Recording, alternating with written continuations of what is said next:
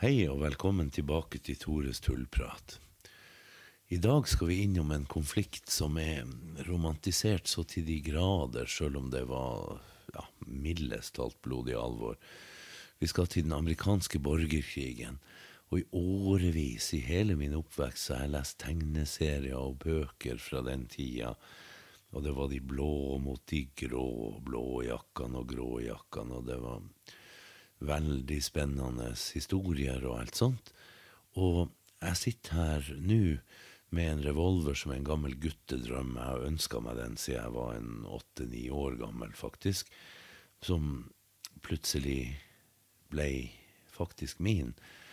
Og i det hele tatt, altså sjøl om jeg for lengst har mista alle sånne illusjoner om hvor romantisk og spennende denne konflikten var, så er det fortsatt et eller annet fra gamle dager ifra alle de her tegneseriene og alle de her Ja, alt det man leste som gir litt gjenklang. Det er, det er en periode som man husker. Jeg skal fortelle dere mer om både revolveren og om konflikten ganske så snart.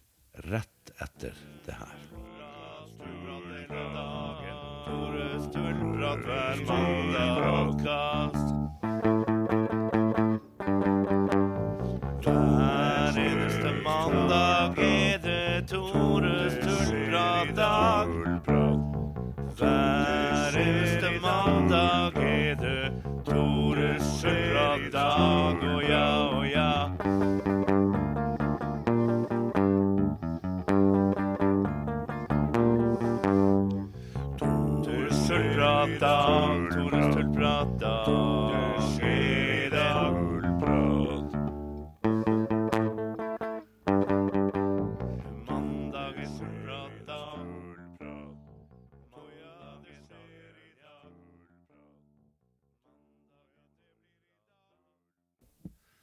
amerikanske borgerkrigen, ja.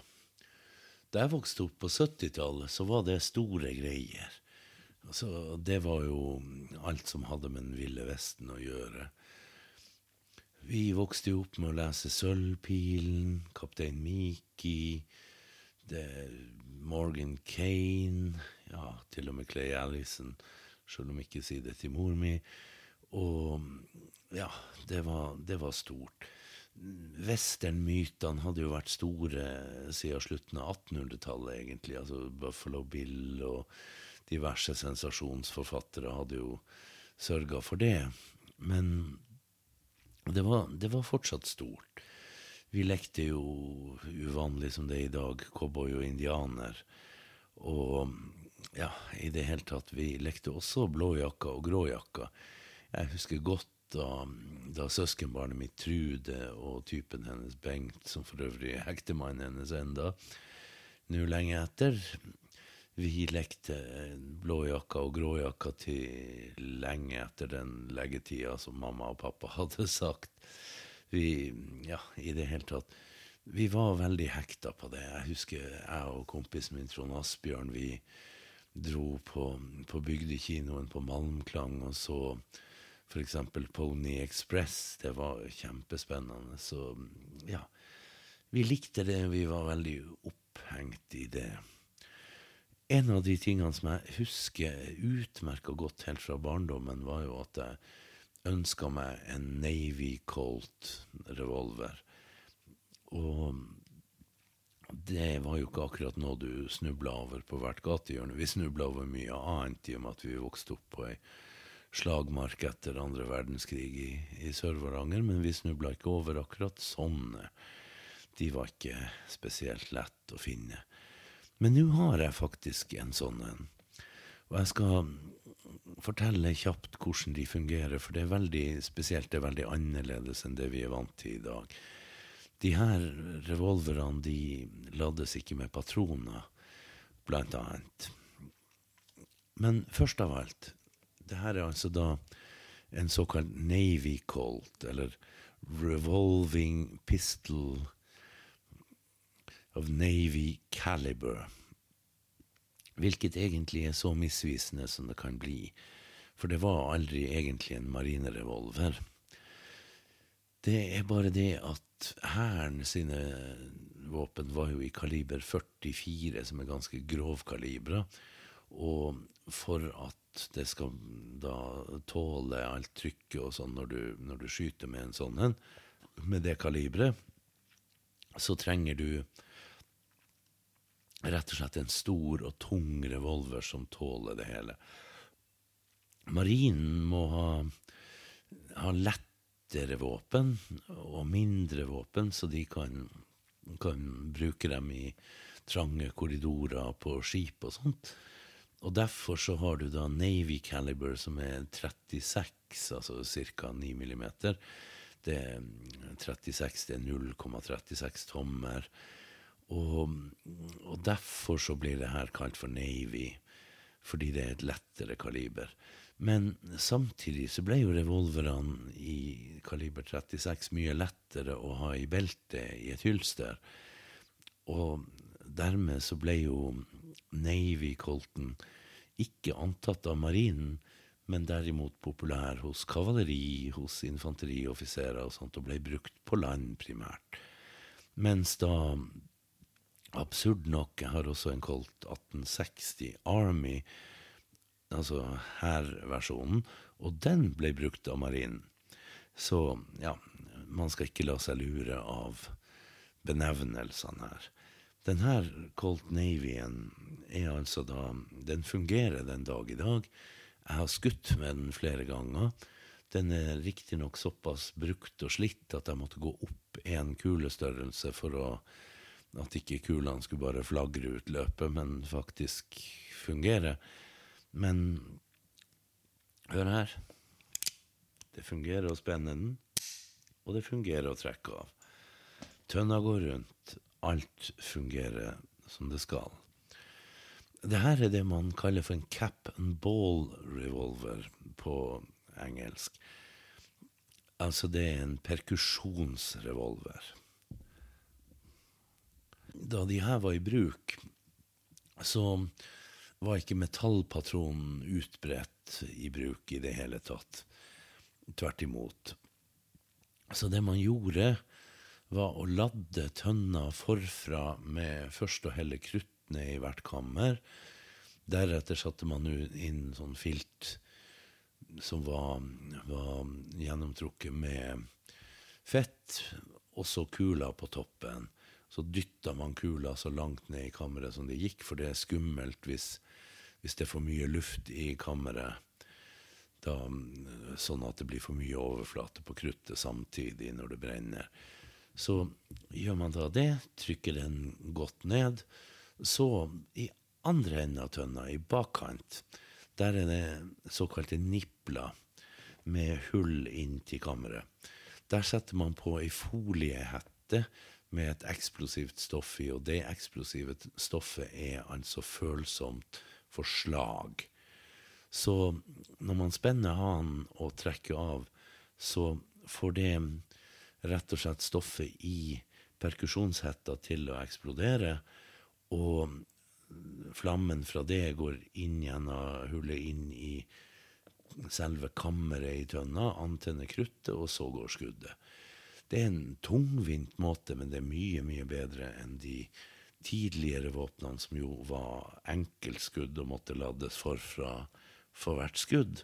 Så det er en, en bra type revolver for sin tid. Og i mine øyne er det sannsynligvis verdens vakreste revolver. I alle fall har ikke jeg sett noe som ser penere ut. Den er, den er virkelig fin.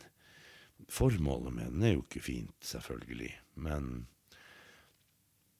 sånn designmessig form og utseende så er den veldig, veldig vakker.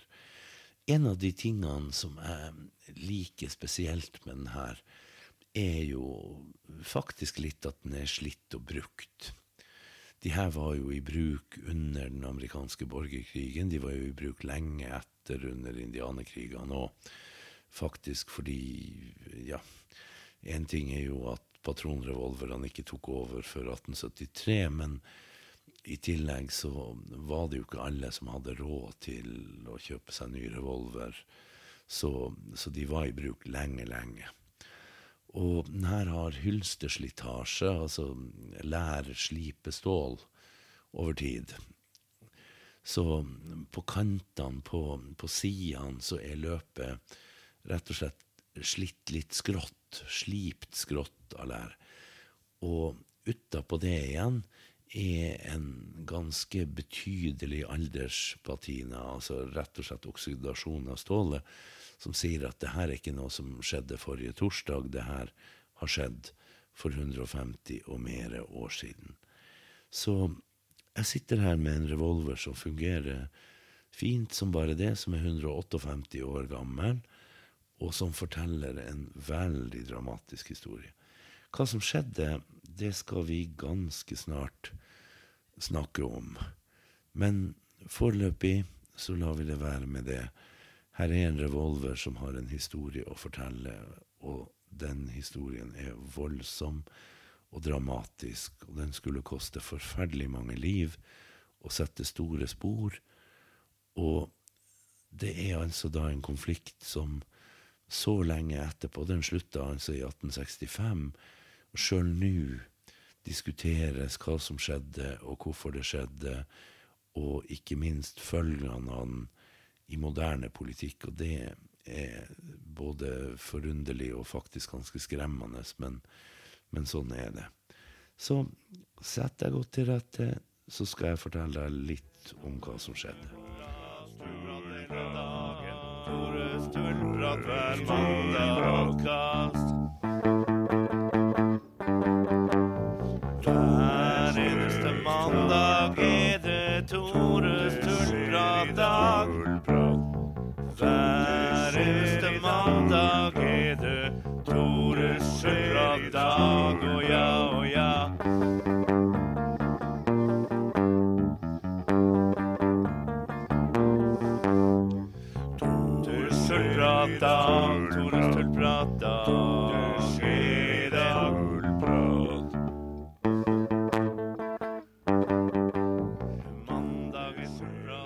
Så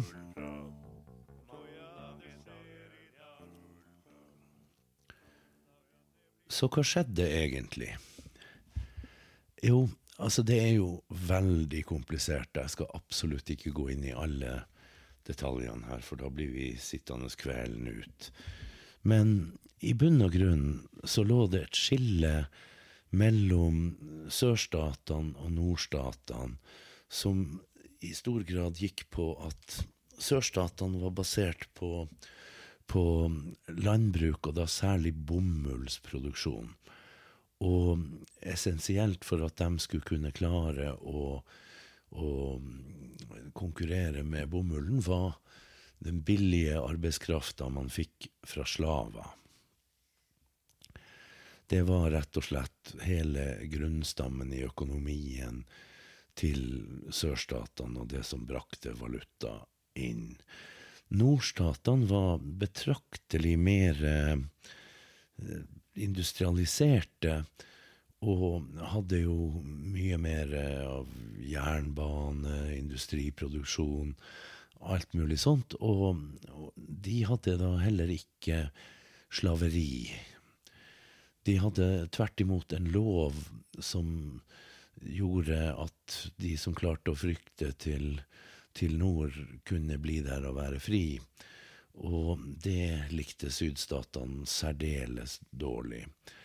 Det var jo snakk om at da Ja, det var, det var snakk om å utvide slaveriet og eh, retten til å holde slaver utover de statene som hadde de lovene. Det var jo elleve pluss 4 Jeg skal forklare hvorfor jeg sier elleve pluss 4 om et øyeblikk. Som stater som hadde, hadde slaveri, og resten hadde det jo ikke. Og det som var litt greia, var jo at da president Lincoln gikk til valg, og ble valgt til president, så Det var jo i 1860. Da var jo det på en plattform som annet motsatte seg å utvide slaveriet utover der det allerede eksisterte, og det likte sørstatene særdeles dårlig. Så faktisk, mens president Buchanan fortsatt satt, allerede før Lincoln tiltrådte, så tok da rett og slett i protest mot valget, tok syv sørstater og, og brøyt ut av den amerikanske unionen. Det var Sør-Carolina, Mississippi, Florida, Alabama, Georgia, Louisiana og Texas. Så det var jo Så de danna altså da Amerikas konfødererte stater og oppretta sin egen regjering, rett og slett.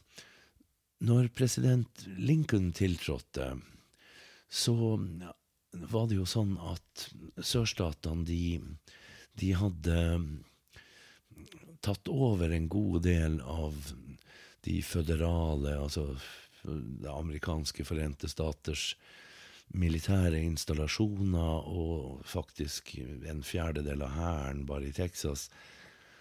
Og det var fortsatt noen områder som ikke hadde overgitt seg til konføderasjonen. Det var jo ikke krig riktig enda, sjøl om president Buchanan hadde fordømt det her utmeldinga og kalt det for et opprør, og var alt annet enn glad for det. 12. april 1861, altså like etter at president Lincoln hadde tiltrådt, så angrep sørstatene Fort Sumter. Og det var jo rett og slett en krigshandling. Unionen, altså nordstatene, forsøkte å unnsette Fort Sumter med, med forsyninger og sånt med ett skip, men det ble bombardert så hardt at det rett og slett måtte snu med uforretta sak, og Fort Sumter ble tatt.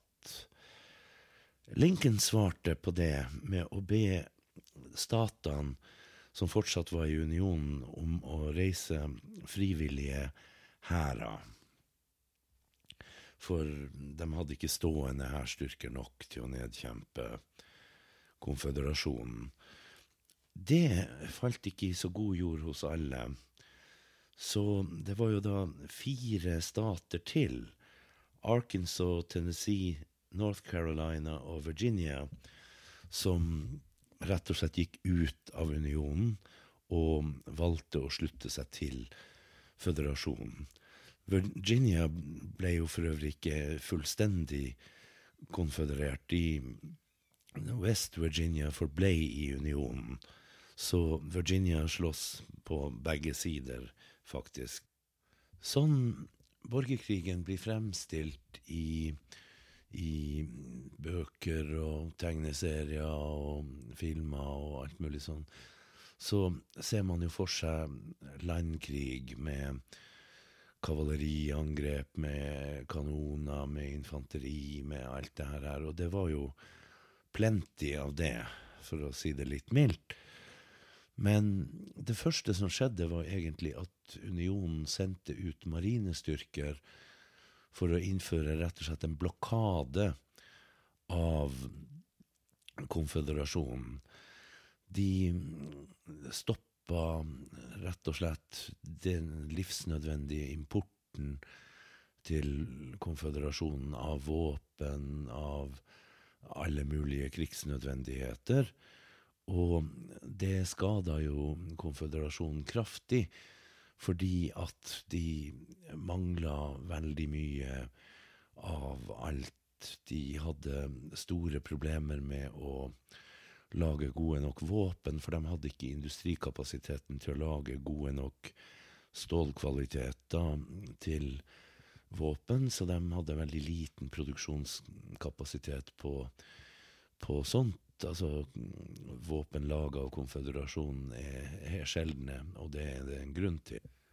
De mangla for øvrig også, også kjemikalier til å lage krutt, og krutt må man jo virkelig ha hvis man skal slåss en krig. det sørstatene sitt krutt var rett og slett av dårligere kvalitet enn det nordstatene hadde. Og som en liten kommentar til slaveriet, så er det klart at det var jo forferdelige jobber mange slaver ble satt til, og det ble ikke bedre under krigen, for å si det litt mildt, fordi at for eksempel var det hundrevis på hundrevis med slaver som ble leid inn fra slaveeiere for å utvinne salpeter til produksjon av svartkrutt. Til svartkrutt må man ha salpeter. Og den kilden de hadde til det, var menneskeavføring. Bæsj, rett og slett. Og det her måtte råtne for at man skulle klare å utvinne salpeteren. Og dermed så gikk de her hundrevis av slavene og spavendte enorme kar med, med menneskemøkk. De gikk til knærne i møkk og spavendte. Og man kan jo bare tenke seg for en forferdelig og usunn jobb det skal ha vært. Så skal man ha et bilde på hvor kjipt det er mulig å ha det som slave, så er vel det et ganske godt eksempel. Det er virkelig ikke, ikke noe man ville ønske engang sin verste fiende. Så marineblokaden den virka jo godt, sjøl om en del britiske handelsmenn lagde, fikk bygd altså en del små og raske skip som var blokadebrytere. Og en del av de kom seg jo igjennom med alt fra sverd til geværer til revolvere til ja, alt mulig. I tillegg til luksusvarer og sånn til de rike i, i konføderasjonen. Men unionen stoppa ganske mange britiske skip, og en gang så stoppa de et skip med, med briter om bord, og to arresterte britene, og det ble en kjempe kjempeskandale og diplomatiske videreverdigheter, så det var ikke bare enkelt, det her. Så det var jo det som skjedde til sjøs. Etter hvert, når krigen begynte å dra seg mot slutten, så tok jo unionens marine stadig større områder, og til slutt alle de konfødererte havnene, og da var det strengt tatt ikke mye igjen å slåss om. På, på land så var det en krigslykke som gikk frem og tilbake, kan man, kan man trygt si. Det første slaget ved Bull Run, eller Manassas som man også kaller det, var jo et nederlag for, for unionen. Det, det bølga frem og tilbake både på østlige og vestlige krigsskueplassen fra 1861 av, og, og det var harde kamper, det var forferdelig mange drepte. Så jeg skal ikke dra alle detaljene om det, men, men det er klart at i 1863, to år inn i krigen, så hadde man slaget ved Gettysburg.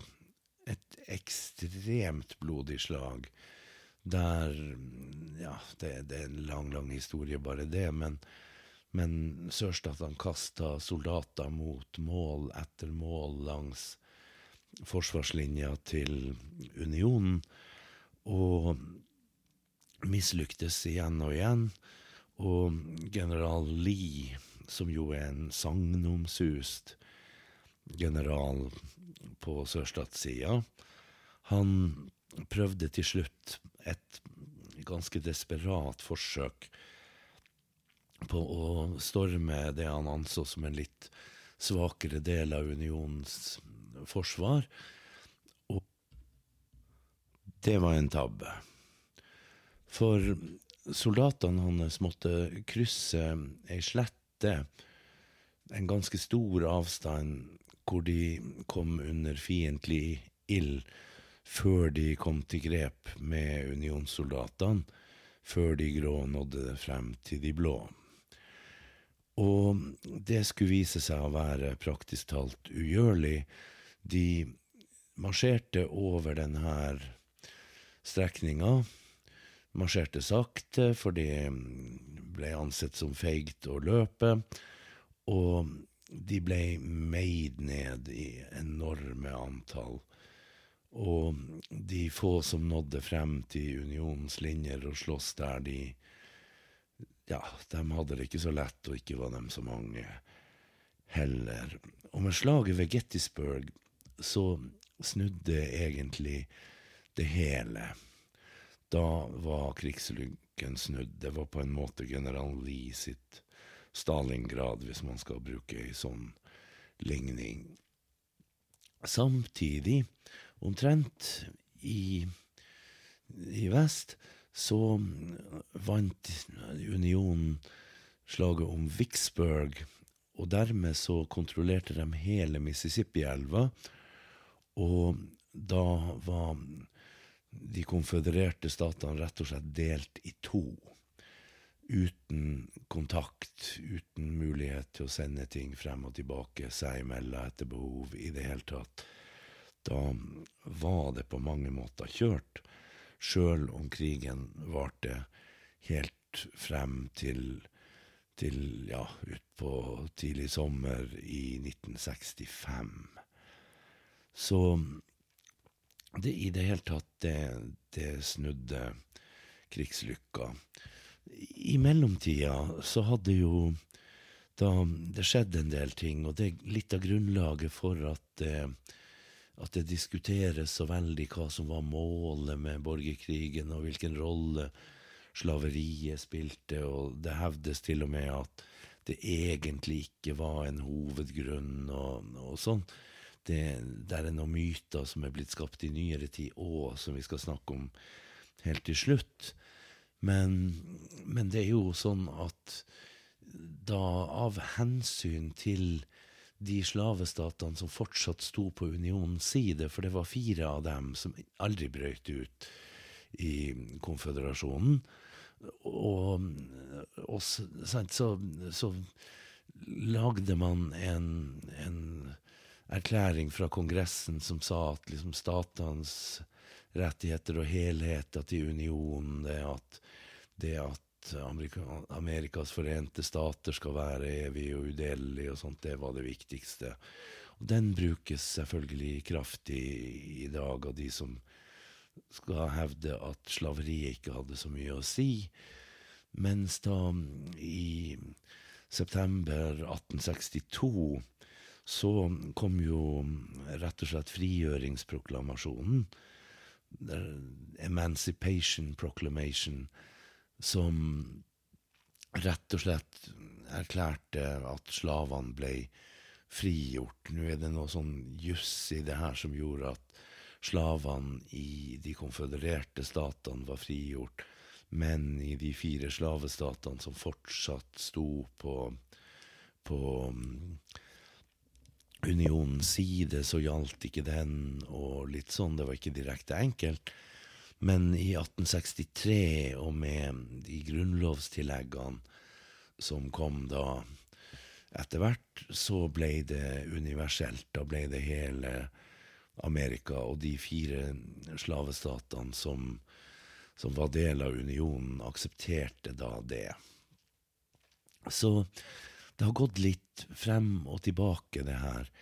Men det er ikke noe spørsmål om at slavespørsmålet var en veldig viktig del, altså sånn utløsende faktor for borgerkrigen. Og det er ingen tvil om at det Ja, det, det var det springende punktet. Nå hevdes det noe annet etter hvert, men det er nå så. Det er litt av arven fra borgerkrigen.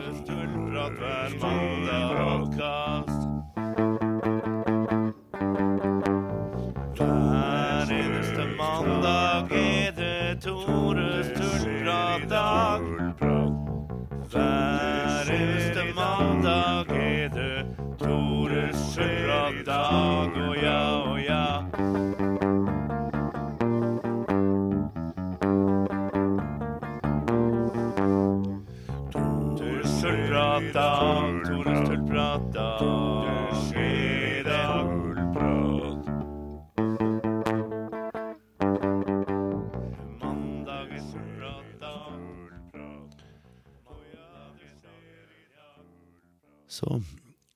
Det gikk mot slutten for konføderasjonen, både til havs og på land.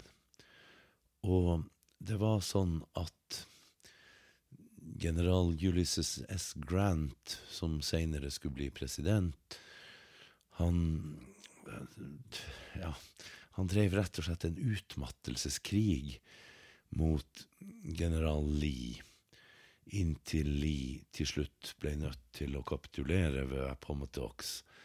Og beskrivelsene av den scenen da han kapitulerte, er jo egentlig ganske interessante, for der kom Lee i, som Southern gentleman i plettfri uniform med en flott hatt, med et helt fantastisk sverd, eller altså en sabel, i beltet og, og alt sånt. Mens Grant kom støvete og skitten og med åpen jakke inn, og der møttes to virkelige motpoler på absolutt alle måter.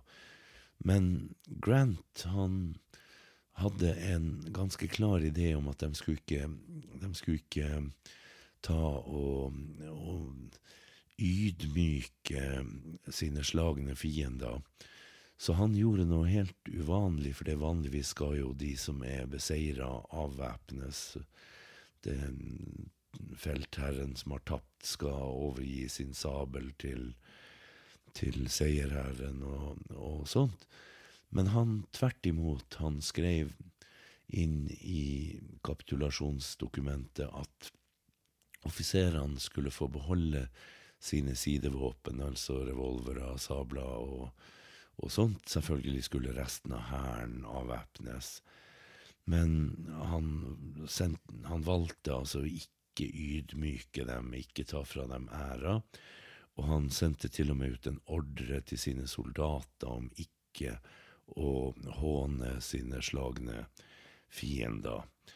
Så sånn sett så gjorde han det på en måte som skulle skape en eller annen forsoning. Det var i hvert fall håpet at det skulle bli en forsoning nedover ettersom tida gikk. Det skulle kanskje ikke gå helt som Grant hadde tenkt, men en ærefull og faktisk veldig ålreit gest fra, fra Grant. Med Lee sin kapitulasjon så, så var det hele i praksis over. Altså, det var jo en serie med kapitulasjoner. Det tok en stund før alle konfødererte styrker hadde overgitt seg, men, men det her var jo vendepunktet. Ingen kunne se for seg at det var noen som helst sjanse igjen for de konfødererte, for sørstatene, etter det her. Det, presidenten til, til konføderasjonen ble også da arrestert, og i det hele tatt Det hele var strengt tatt over. Og så er det sånn at man sier jo alltid at det er seierherren som skriver historien. Det er slett ikke alltid sant. Jeg skal faktisk i flere episoder komme inn på, på eksempler på at sånn er det ikke, men, men det er nå sånn at man sier jo det, og det låter jo så riktig. Men det ble i etterkant av borgerkrigen danna noen organisasjoner, og først og størst var jo United Daughters of the Confederation.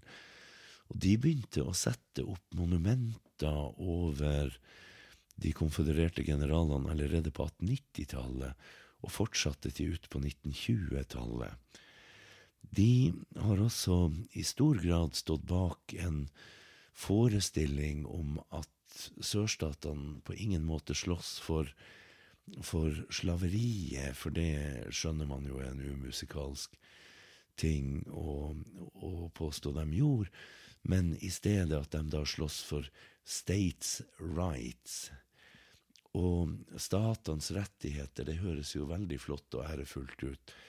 Helt frem til man da analyserer frem, seg frem til at states rights betyr altså statenes rett til å holde folk i slaveri. Og da blir det fort litt mindre ærefullt, men det er nå så. Men det her diskuteres enda den dag i dag, og det er mange stater hvor den her eh, med states rights faktisk læres bort i skolen og greier. Det er, det er merkelig, og for en nordmann så er det litt rart, det her.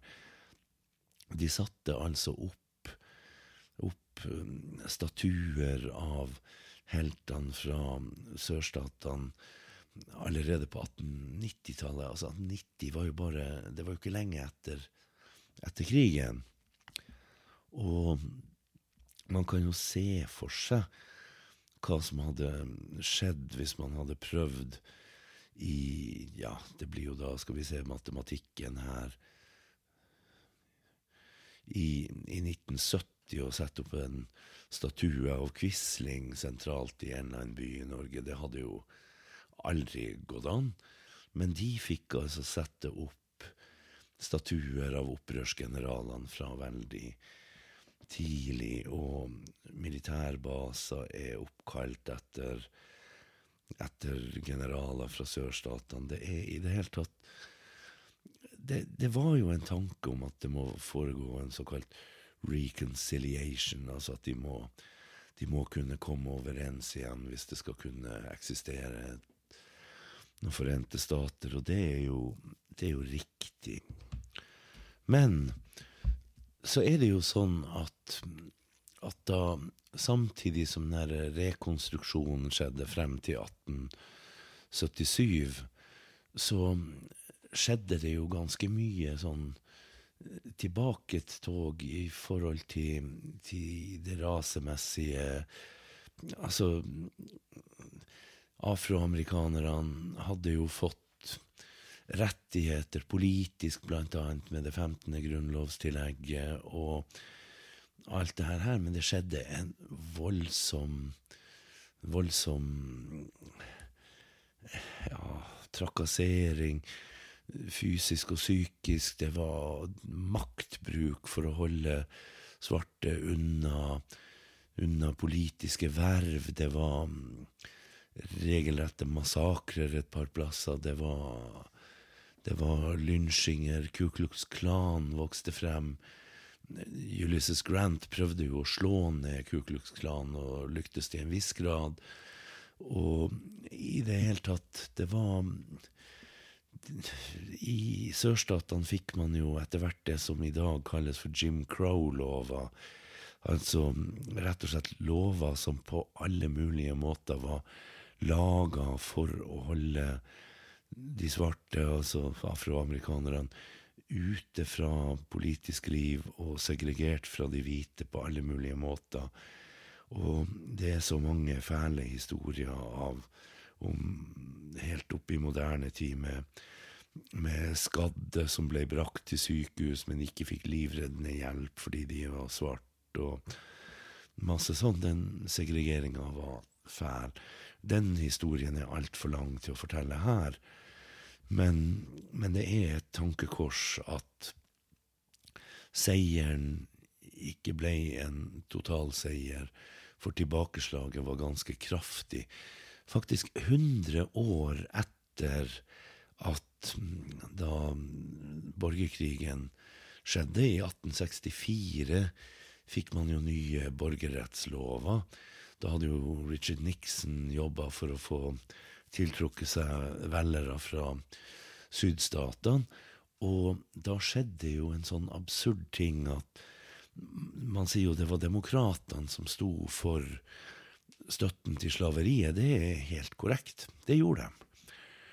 Og mens republikanerne var progressive og ville ha et annet system. Det er ikke spørsmål et sekund om det.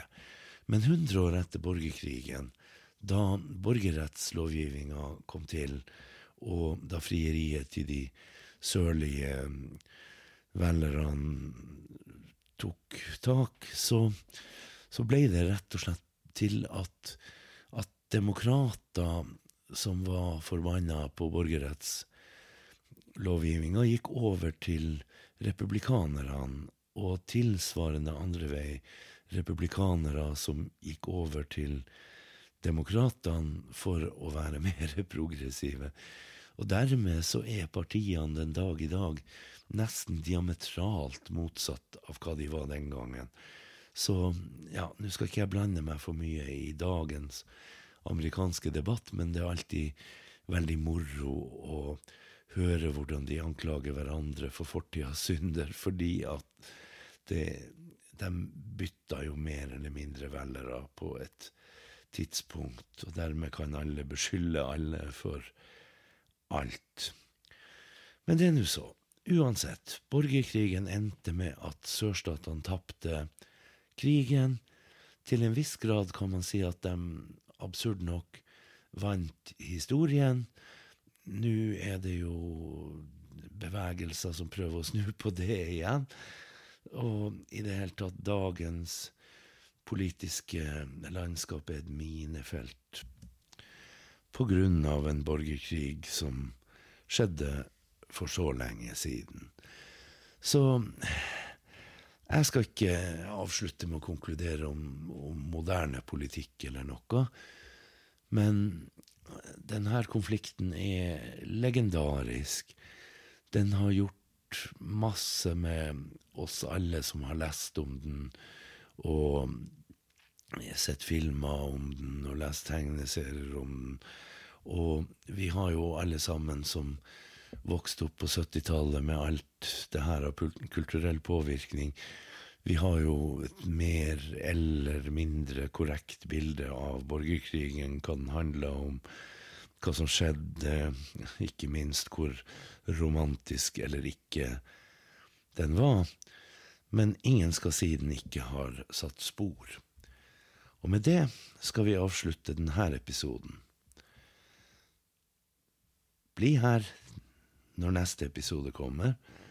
Om ei uke blir det en kjempespennende episode med en meget anerkjent historiker som gjest. Så fortsett å lytte. Tore Stølprat hver mandag